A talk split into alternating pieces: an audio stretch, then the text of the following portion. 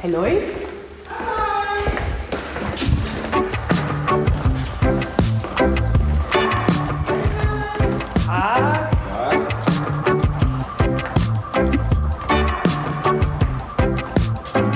er på besøg hos Bolette Friedrichsen.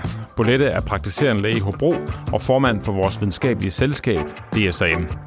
Velkommen til endnu et afsnit af vores sommerlytning om multimobilitet i almen praksis.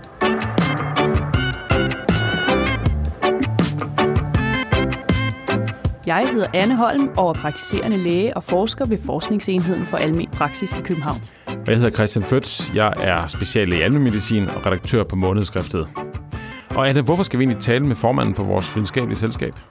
Jamen det skal vi, fordi hun er formanden for vores videnskabelige selskab. Ja. Er der nogen, der ved, hvad, hvad vi kan gøre anderledes, øh, når vi taler om patienter med multimobilitet, så er det Bolette. Ja, en dels er hun formand, det er helt enig med dig i, at det er jo faktisk, det er jo, det er jo kernefaglighed det her. Men udover det, så har hun faktisk også nogle interesser for emnet. Ja, men hun har inspireret mig en del, og det er blandt andet, fordi hun tør tage de her svære diskussioner med, hvis vi nu skal gøre lidt mere for nogen, hvem skal vi så gøre mindre for? Øh, og hvad kan vi eventuelt gøre mindre af ude i almen praksis? Ja, det har nogle ret sjove svar på. I det hele taget, så øh, var det en rigtig sjovt besøg, vi havde her hos, øh, hos Bolette. Men skal vi ikke bare springe lige ud i det? Skal vi ikke lige høre, hvordan hun præsenterer sig selv? Jo, det synes jeg. Jeg hedder Bolette Friedrichsen, og jeg er praktiserende læge i Hobro, og det har jeg været siden 2004. Og så har jeg været i DSM's bestyrelse i 6 år, 7, 8 år, og i øjeblikket er jeg formand. Kan du fortælle os lidt omkring dit klientel? Hvad er det for nogle folk, der hører til din praksis? Det er jo en provinsby. Øh, der er øh, store, små, tykke og tynde, og øh, altså mange, mange midalderne, der er i arbejde, som konsulterer mig mange børn, og, og mange ældre. Jeg plejehjemslæser, jeg har selvfølgelig også rigtig mange ældre med mange forskellige sygdomme. Jeg har ikke sådan øh, så mange topakademikere, så socioøkonom, så må man sige, det er sådan, øh, det, det, er, det er bredt, men ikke beslutningsdanmark.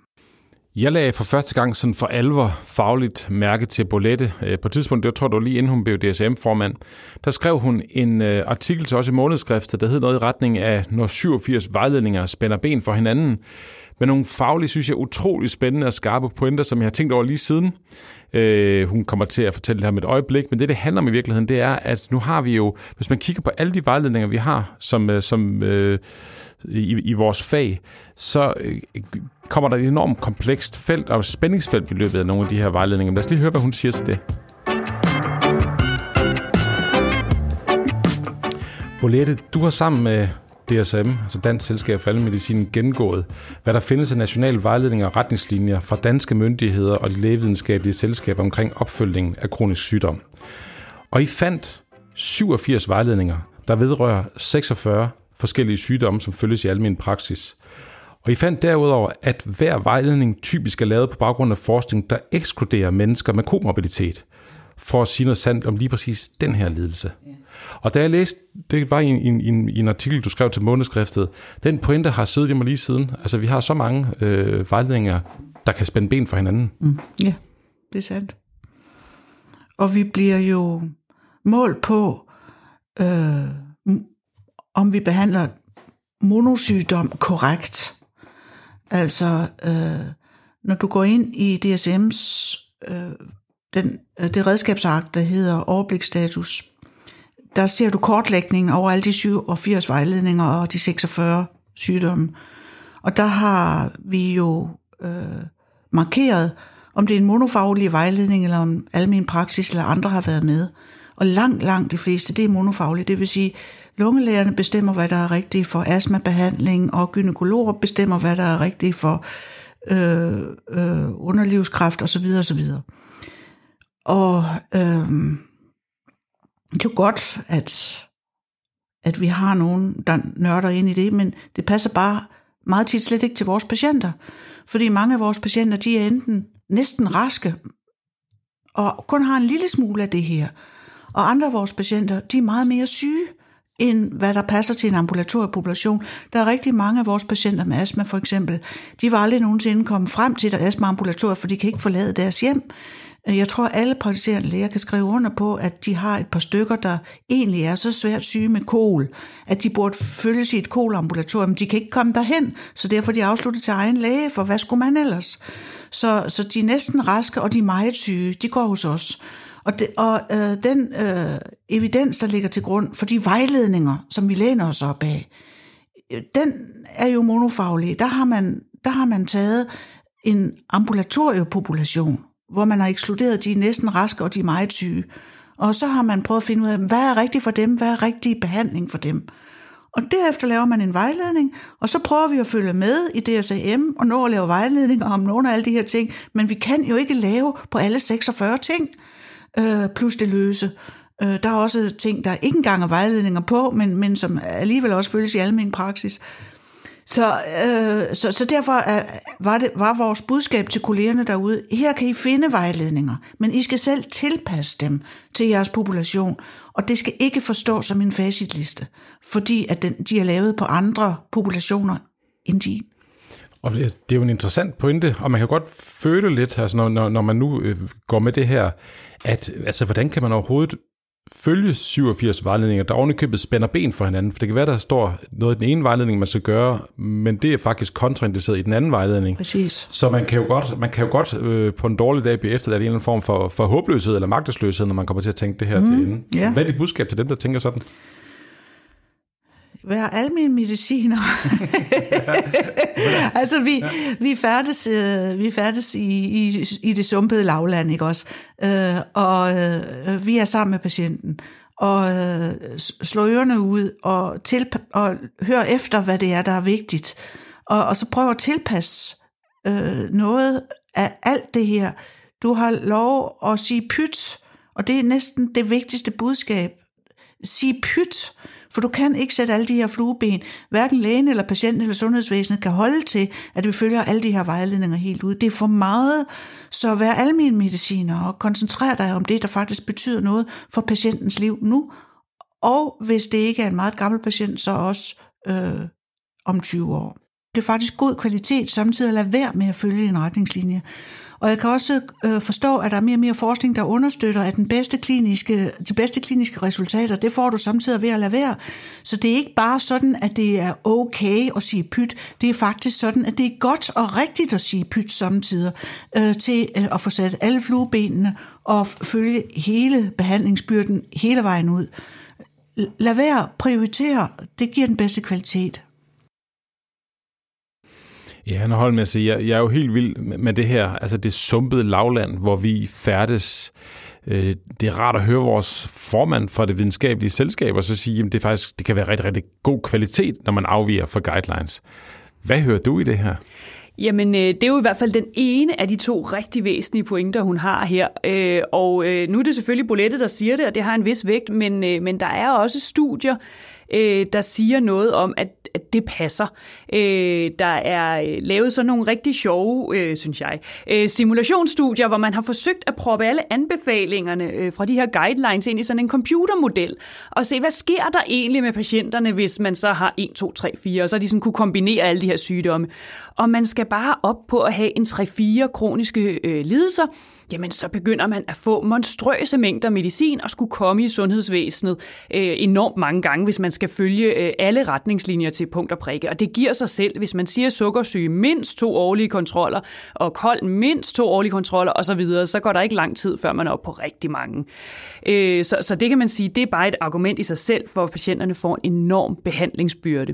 Men så er der det med kvaliteten. Der er et fantastisk studie øh, fra BMJ, øh, hvor de har forsøgt at gøre det samme med medicinen og sagt, det er så engelske retningslinjer. Hvis de følger dem til punkt og prikke, er der så potentielt alvorlige medicininteraktioner. Og der dukkede enormt mange op. Øh, bare man havde ganske få sygdomme, var der alvorlige interaktioner imellem hjertemedicin og diabetesmedicin osv. osv.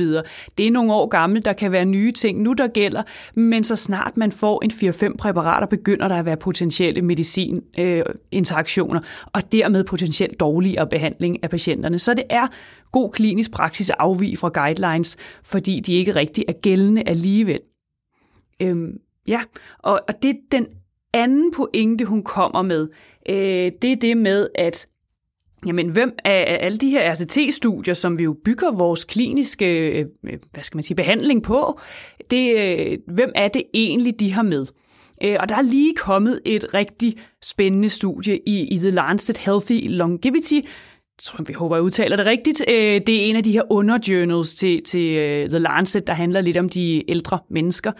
Øh, og der har de forsøgt at opsummere alle RCT-studier på kronisk sygdom. Så de har inkluderet 43.000 RCT-studier. Hvordan de har gjort det, det aner jeg ikke. Det er fuldstændig vildt. Og så kunne de se, at Øh, I 91 procent af studierne, der var patienter med multimorbiditet ekskluderet. Så det vil sige, at det er kun øh, de sidste 9 procent øh, af de studier, vi bygger vores guidelines på, som er gældende øh, for patienter med multimorbiditet. Vi ved strengt taget ikke, om medicinen virker hos dem. Det er jo helt vildt. Altså du siger 91 procent af de her studier, der er, det, der er man ekskluderet, hvis man er multimorbiditet. Ja. Og det, det er jo det er jo som at sige, at, at, at de, mange af de guidelines, nu, nu formoder jeg bare, så må, du, så må du give mig noget modspil, men mange af de guidelines, man sidder på, de er faktisk baseret på, på videnskab, hvor lige præcis vores øh, patientgruppe her er ekskluderet, det er renset for det. Ja. Så, så, så, så vi ved principielt ikke helt, om det virker på den Nej. gruppe, vi sidder med. Og vi er vant til at sige det med ældre mennesker, hvor vi siger, nå, ja, men de er jo ekskluderet fra kliniske studier, men det var faktisk kun gældende for halvdelen, at de havde aldersbegrænsninger på.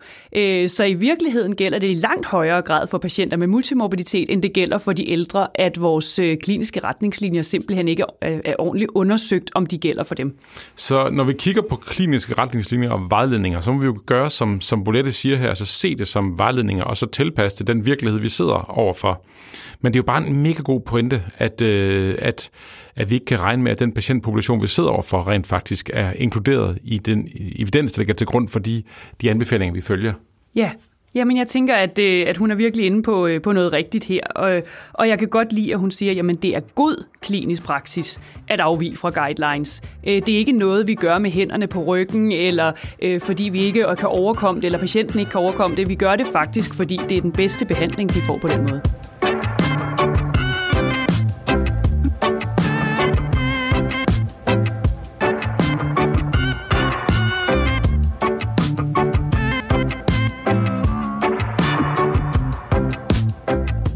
Forhold til det med guidelines, Anne, altså, der er måske nogen, der sidder og tænker, at vi følger jo også guidelines, fordi at det er vi forpligtet til. Altså i forhold til, hvis nu, hvis nu der står noget, øh, vi har en patient, der klager, og vi har ikke, i det vi laver, der har vi ikke fuldt guidelines. Kan man så blive gokket i hovedet af det? Eller øh, hvad er dit take på det? Jeg øh, tænker, at som, som forsker og som en, der ofte er med til at skrive guidelines, er det enormt vigtigt, at alle guidelines forholder sig til de her patientgrupper. Fordi det er dem, der er flest af. Så der bør stå, hvordan øh, forholder denne diabetes-retningslinje øh, sig til, hvis patienten har multimorbiditet eller har øh, hjertesygdom. Det gør de i lille omfang. Øh, vores diabetes-retningslinje skriver også lidt om, hvad gør man, hvis patienten er en skrøbelig ældre. Øh, og det bør alle guidelines gøre, og det skal vi også holde vores kolleger på øh, hospitalerne, især dem, der skriver de monofaglige guidelines op på, at hvis de vil have, at de gælder i almen praksis, så er de nødt til at forholde sig til den population, vi har, som typisk har flere kroniske sygdomme. Men er det her et synspunkt, som du oplever bliver mere og mere udtalt i det arbejde, man laver med guidelines rundt omkring? Bliver man simpelthen mere opmærksom på det? Jeg synes, vi gør det inden for almen medicin. Og, og så er der måske et stykke vej igen for, for nogle af de specialer, der er højt, højt specialiseret, og måske øh, ikke har lyst til at tænke på, at der er et menneske rundt om hjertet. Øh, der er ligesom et hjerte, som er spændende, og som ja. man har specialiseret sig i. Øh, men, øh, men jeg tænker, vi, det, det er også vores ansvar at holde de andre specialer op på det. Vi stillede øh, Bolette nogle forskellige spørgsmål, og det vi har vi stillet blandt andet et spørgsmål, som vi har stillet vores andre gæster også, det er nemlig, der er rigtig, rigtig meget, vi kan gøre mere af, men hvad er det så, vi skal gøre mindre af? Og det har vi valgt at tage allerede nu, for det var et ret fint svar, hun kom med der. Der er meget, vi kan være uenige om, hvad vi skal gøre mindre af, men lige netop den Bolette tager her, den tror jeg, vi alle sammen kan se os selv i. Det tror jeg også. Så nu skal vi høre Bolette svare på, hvad er det så, vi skal gøre mindre af i vores arbejde som praktiserende læger? Hvad er det så, vi skal gøre mindre af? Eller hvem er det, vi slet ikke skal se? Vi skal jo se, hvis vi har dem i behandling, så skal vi jo se dem en gang om året, eller hver andet år, i det mindste. Hvis det er stabilt, kan det måske godt være hver andet år, men øh, hvad skal vi gøre mindre af? Vi skal gøre mindre af det her.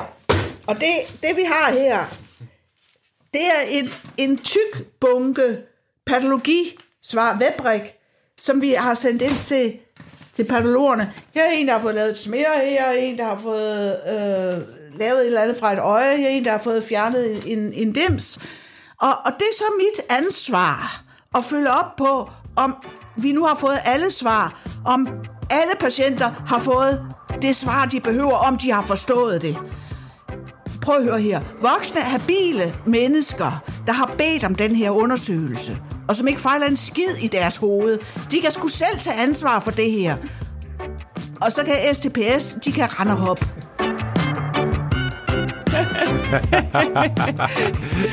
Sådan. Jeg, vil- det er jo svært at være uenig i det her. Ja, men jeg er også så træt af de der. Og ja. det er især fordi, det er den der sådan, den samme model til alle. Vi Ja. kender jo godt de patienter, der har behov for, at vi lige følger op på, om de nu også får kontaktet den gynekolog, og så laver vi en lille reminder med dem. Men 90 procent af patienterne kan jo sagtens finde ud af at gøre ting, når vi har sagt det til dem. Men så snart man udtager væv fra et menneske, øh, så, så har vi det hele det her arbejde bagefter, hvis det bliver analyseret. Ja, ja. Det er, det er en af de små administrative opgaver, vi nok godt kunne undvære alle sammen. Og hvad er det fedt at han en, en, en formand, der bliver irriteret over de samme ting, som man selv bliver irriteret over. Men nu skal vi lidt tilbage igen til, øh, til det, jeg talte om før, nemlig den artikel, som Bolette hun skrev til os i månedskriftet med de 87 vejledninger, der spænder ben for hinanden. Fordi i den artikel, den åbner hun med en patient. Hun fortæller om en patient-case, hun selv har haft. Og det vi skal nu, det er, at vi bad øh, Bolette om at læse den her patient op, som, øh, som kommer til, til kontrol hos hende. Og øh, når vi så har hørt det, så skal vi høre, hvad hun så gjorde det bagefter. Men her kommer Bolette altså med en patient, hun har haft i almindelig praksis. Bolettes patient. Fru Madsen er 72 år og købmandsenke. Hun har netop forladt mit konsultationsrum efter den årlige gennemgang af hendes diabetesbehandling. Vi har haft en god snak om at øge medicinen på grund af stigende blodsukker, der nok hænger sammen med den stigende vægt. Hun er desværre ikke kunne motionere på grund af gigtsmerter i knæet. Det kan jeg godt forstå, men gigten er jo ikke dagens emne. Gigtpillerne måtte vi fjerne sidste gang. De går ikke sammen med hendes blodtryksmedicin. Det er farligt for nyrerne. Hun fik tykke ankler og kunne ikke være i sine sko. De er nu stadig lige tykke, ser man. Jeg når lige at tænke, må hun køber i præn i håndkøb, for så er vi jo lige vidt. På vej ud beder hun om sovepiller, bare en lille pakke. For opblussen i høfeber og natlig hoste gør det svært at sove, og søvnmangel trigger altid hendes migræne. Jeg har lidt dårlig samvittighed, da hun er gået. Selvom jeg har sat alle flueben vedrørende diabeteskontrol, så er der seks andre vejledninger for kroniske lidelser, som jeg ikke har efterlevet i dag. Jeg har heller ikke motiveret hende for vægttab eller mere motion. Men hvad værre er, hørte jeg overhovedet, hvad der betød noget for hende. Bolette gjorde så i det tilfælde her, at hun inviterede sin patient til en overblikskonsultation, som vi har talt om tidligere. Og til den her overblikskonsultation, der fandt hun syv punkter, der var relevant at have øh, styr på eller fokus på hos patienten. Og som man kan høre i det her, øh, den her diskussion, vi havde med Bolette, så var der faktisk mange ting, hun på forhånd ikke rigtig vidste, hvem der overhovedet havde styr på. Sukkersyge, der, den føles hos mig. Der er jeg den behandlingsansvarlige læge. Hypertension, det er også mig. Artrosen, jamen, det føles hun ikke med noget sted. Der er ikke nogen læge, der kigger på det her. Det lever hun bare med. Hovedpinen, jamen hun konsulterede en neurolog sidste år. Jeg havde henvist hende, fordi den var så invaliderende, den her hovedpine. Men hvem fornyer egentlig recepterne i øjeblikket, eller køber hun bare håndkøbsmedicin? Det var ligesom det gled ud, det der med den neurolog. Hun kunne ikke komme, hun skulle noget andet den dag, så det blev ikke til noget. Høfeber, den følges slet ikke noget sted. Øh, hun køber bare håndkøbsmedicin efter, hvad hun nu kan øh, samle op. Øh, astmaforløb. Ja, der følges hun egentlig hos lungemedicinerne, men det fungerer ikke. Der er alt for langt at rejse, så hun er sprunget over de sidste to gange, så øh, det er jo også sådan lidt i vildskab, hvornår hun får fornyet medicin, eller om hun får fornyet medicin. Og, og søvnløshed, det er jo også en sygdom. Den er taget til gennem årene. Hun selv behandler vist med port, portvin og kodimagnyl. Så det var de syv ting, der var, øh, vi skulle kigge på, blev vi enige om. Og i de her tilfælde, så fik du så et struktur på det. Ja. Og hvad gjorde I så? Hvilken plan lagde I så bagefter? Ja, men vi var jo godt klar over, alt det her, det kan vi jo ikke løse i, i en konsultation, heller ikke selvom den er lang, fordi der sker jo også noget imellem konsultationerne. Så øh, vi, vi blev enige om, at Altså, der mangler nogle års status på det ene og det andet, men hvad er vigtigst for dig lige nu? Lad os starte med det, der fylder mest for dig, og det var søvnløsheden, der fyldte mest for hende.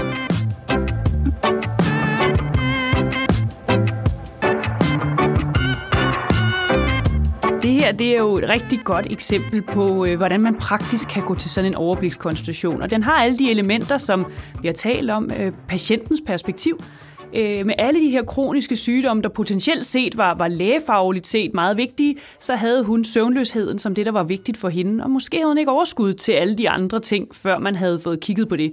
Øh, og så var der det der portvin og kodimagnyl, der nok også øh, sådan lægefagligt set ikke var den bedste cocktail. Den sikkert meget effektiv, øh, men, men stadigvæk, måske kunne man øh, gøre noget bedre, hvad, hvad det angik, sådan, så hun fik overskud til at, øh, at håndtere alt det andet. Øhm, den havde det her element med øh, at få overblik sammen med patienten, at, at de lister alle sygdommene op, øh, så patienten også forstår dem. Hvorfor, hvorfor er det, du bliver ved med at snakke om min lungesygdom, når nu søvnløsheden er vigtig for mig? Jamen, det er vigtigt for mig som læge, for jeg kan se, at det er det, der forhindrer dig i det og det og det. Øh, og, så man får både patientens perspektiv, men også lægens perspektiv på banen, og man i øvrigt finder ud af som læge, hvad det er, der sådan sevet ud, øh, uden at man egentlig har opdaget det. Øh, den sidste ting, hun talte om, var det med at få, få koordineret og lagt en plan sammen. Hvad er det så, vi skal fokusere på i det næste stykke tid?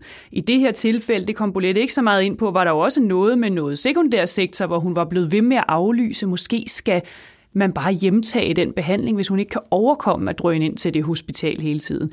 Øh, så i virkeligheden alle de her væsentlige elementer med at, øh, at høre patientens perspektiv øh, og få et overblik og så få koordineret på tværs af sektorer, de var alle sammen med i den her case. Det var et godt praktisk eksempel. Ja, skide godt eksempel, og tak for dine pointer.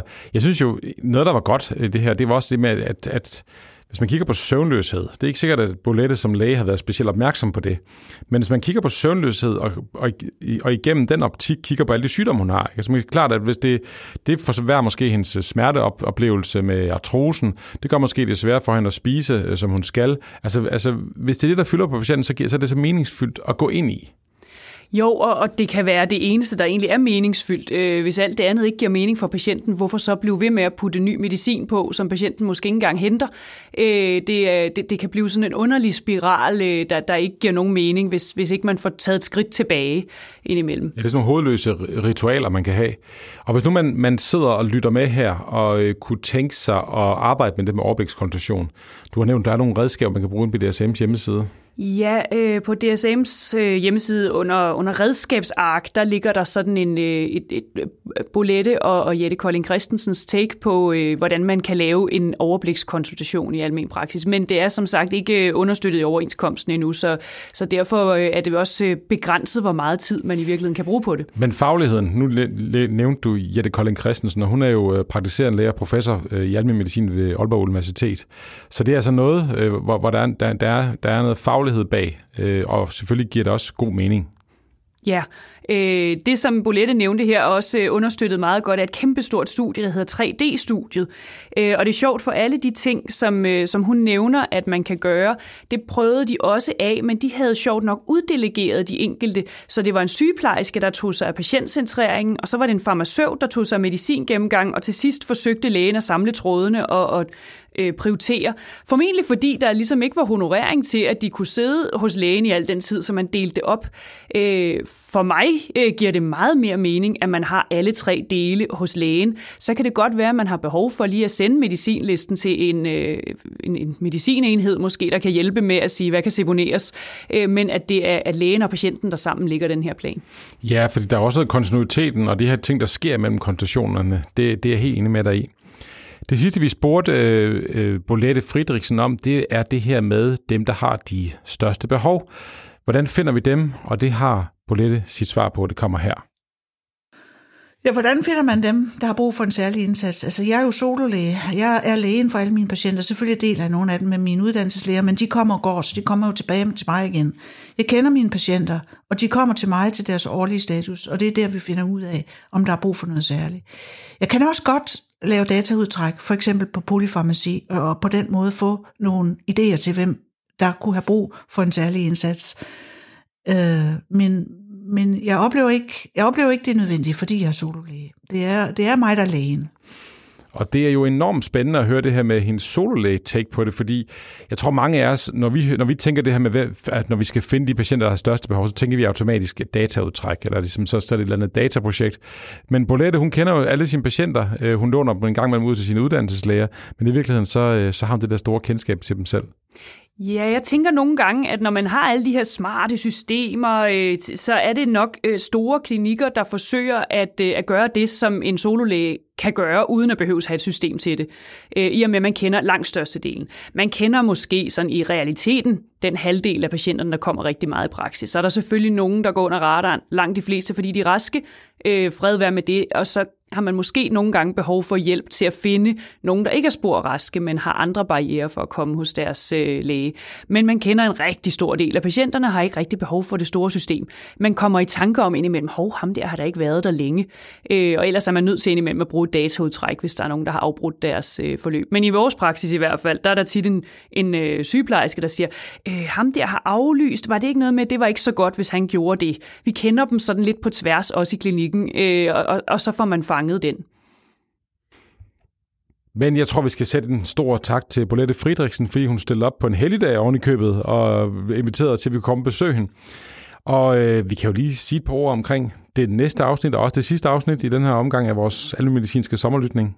Det bliver nemlig rigtig sjovt, fordi øh, der skal vi tale med Mogens Vestergaard, Øh, og da vi øh, spurgte ham, om han ville være med, der øh, var han selvfølgelig en spændende person at tale med, der ved noget om multimorbiditet, øh, og i øvrigt er praktiserende læge i en meget stor praksis i, i Grenaa, der bruger mange af de her systemer for at gøre det godt for de her patienter. Men siden da, så har han også fået en plads i Sundhedsstrukturkommissionen. Ja, ja, ja, ja. Øh, og det er jo et fint selskab, han har havnet sige. i. Ja, så det bliver rigtigt. Så, så det vil han fortælle lidt omkring øh, den her kommission arbejde der, og vil tale rigtig meget om, om data. Han vil tale meget omkring det her med, hvordan man kan bruge data også til at finde de her patienter, der har de største behov. Så tusind tak til dig, som har lyttet med. Det her det handler om multimobilitet i almen praksis. Mit navn det er Christian Føds. Jeg er special i almenmedicin og redaktør på Månedskriftet. Og jeg hedder Anne Holm og er praktiserende læge og forsker ved Forskningsenheden for Almen Praksis i København. Tak fordi I lyttede med.